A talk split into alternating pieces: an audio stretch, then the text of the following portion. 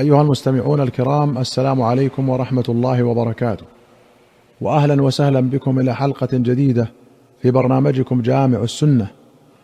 في باب الأمانة وذم الخيانة أخرج مسلم عن أبي هريرة رضي الله عنه أن رسول الله صلى الله عليه وسلم قال من حمل علينا السلاح فليس منا ومن غشنا فليس منا.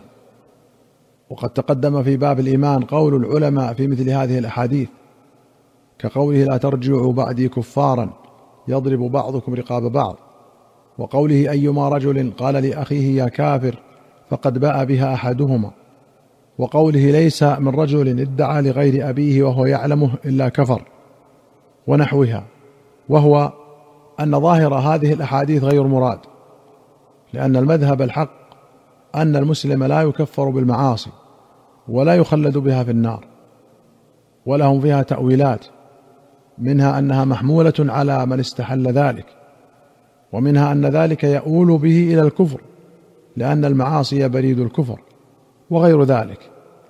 خلافا للمعتزلة فإنهم يزعمون أن ارتكاب المعاصي يخرج صاحبه عن الإيمان ويخلده في النار ولا يسمونه كافرا بل فاسقا مخلدا في النار. وخلافا للخوارج فإنهم يكفرون أصحاب المعاصي. والأحاديث كثيرة متظاهرة على أن كل ما دون الشرك من المعاصي لا يكفر صاحبه ولا يخلد في النار بل هو تحت مشيئة الله تعالى. قال تعالى إن الله لا يغفر أن يشرك به ويغفر ما دون ذلك لمن يشاء. وفي حديث الشفاعة وعزتي وجلالي وكبريائي وعظمتي لأخرجن منها من قال لا إله إلا الله. رواه الشيخان. أما قوله ليس منا فقال العلماء معناه ليس على هدينا وجميل طريقتنا. كما يقول الرجل لابنه لست مني. وفي الحديث تحريم حمل السلاح على المسلمين وتحريم غشهم. باب الصبر وكف الأذى. أخرج البخاري ومسلم عن أبي هريرة رضي الله عنه أن النبي صلى الله عليه وسلم قال مثل المؤمن كمثل الزرع. لا تزال الريح تميله ولا يزال المؤمن يصيبه البلاء. ومثل المنافق كمثل شجرة الأرز لا تهتز حتى تستحصد. وللبخاري عنه قال مثل المؤمن كمثل خامة الزرع من حيث أتتها الريح تكفئها فإذا سكنت اعتدلت وكذلك المؤمن يكفأ بالبلاء. ومثل الكافر كمثل الأرزة صماء معتدلة حتى يقسمها الله إذا شاء. ولهما عن كعب بن مالك أن النبي صلى الله عليه وسلم قال مثل المؤمن كمثل الخامة من الزرع تفيئها الرياح تصرعها مرة وتعدلها مرة حتى يأتيه أجله. وفي رواية حتى تهيج ومثل المنافق وفي رواية الكافر مثل الأرزة المجذية التي لا يصيبها شيء حتى يكون انجعافها مرة واحدة.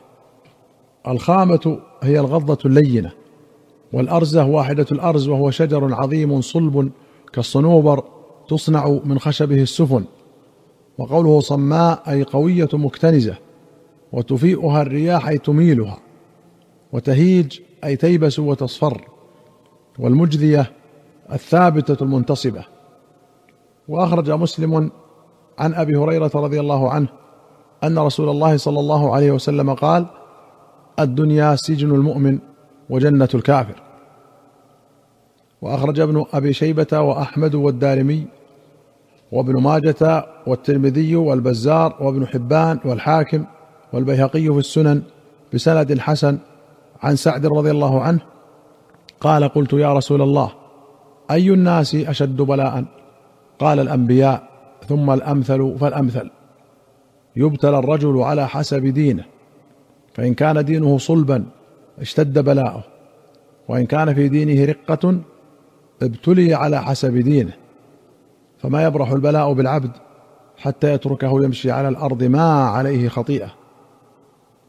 وأخرج مسلم عن صهيب رضي الله عنه أن رسول الله صلى الله عليه وسلم قال عجبا لأمر المؤمن إن أمره كله له خير. وليس ذاك لأحد إلا للمؤمن. إن أصابته سراء شكر فكان خيرا له. وإن أصابته ضراء صبر فكان خيرا له. وأخرج البخاري ومسلم رحمهما الله عن أبي سعيد وأبي هريرة رضي الله عنهما أنهما سمعا رسول الله صلى الله عليه وسلم قال ما يصيب المسلم من نصب ولا وصب ولا هم ولا حزن ولا أذى ولا غم حتى الشوكة يشاكها وفي رواية حتى الهم يهمه إلا كفر الله به سيئاته. وفي رواية حتى الهم يهمه إلا كفر الله به سيئاته. النصب التعب والوصب المرض وقيل هو الوجع اللازم كقوله تعالى ولهم عذاب واصب. أي لازم. قال النووي قوله يهمه قال القاضي هو بضم الياء وفتح الهاء على ما لم يسمى فاعله وضبطه غيره يهمه بفتح الياء وضم الهاء أي يغمه وكلاهما صحيح. وأخرج البخاري ومسلم عن الأسود عن عائشة رضي الله عنها أن النبي صلى الله عليه وسلم قال ما من مصيبة تصيب المسلم إلا كفر الله عنه بها. حتى الشوكة يشاكها. ولمسلم إلا رفعه الله بها درجة وحط عنه بها خطيئة.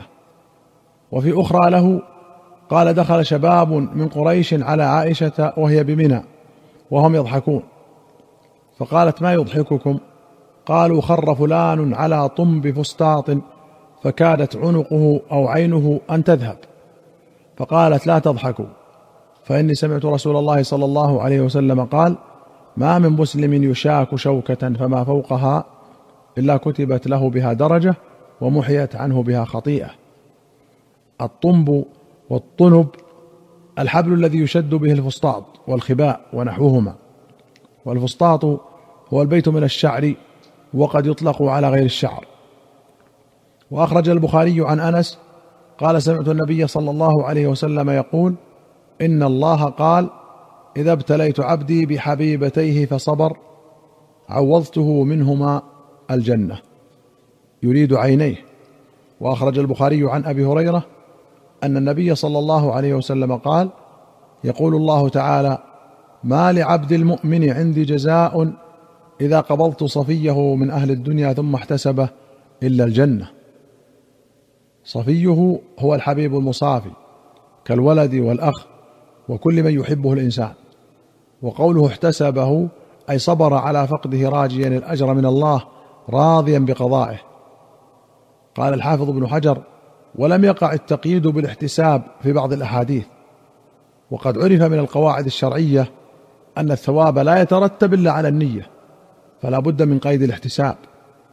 والأحاديث المطلقة محمولة على المقيدة. وأخرج ابن أبي شيبة وأحمد والبخاري في الأدب وأبو يعلى والبغوي بسند حسن عن أنس رضي الله عنه قال قال رسول الله صلى الله عليه وسلم إذا ابتلى الله العبد المسلم ببلاء في جسده قال الله للملك اكتب له صالح عمله الذي كان يعمل. فإن شفاه غسله وطهره وإن قبضه غفر له ورحمه. وأخرج مسلم عن أبي هريرة قال لما نزلت من يعمل سوءا يجزى به بلغت من المسلمين مبلغا شديدا.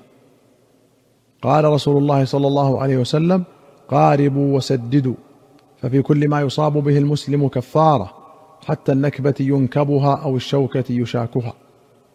قوله قاربوا أي اقتصدوا فلا تغلوا ولا تقصروا بل توسطوا. وسددوا أي اقصدوا السداد وهو الصواب. والنكبة ينكبها قال النووي هي مثل العثرة يعذرها برجله وربما جرحت أصبعه وأصل النكب الكب والقلب. أيها المستمعون الكرام إلى هنا نأتي إلى نهاية هذه الحلقة. حتى نلقاكم في حلقة قادمة إن شاء الله. نستودعكم الله. والسلام عليكم ورحمة الله وبركاته.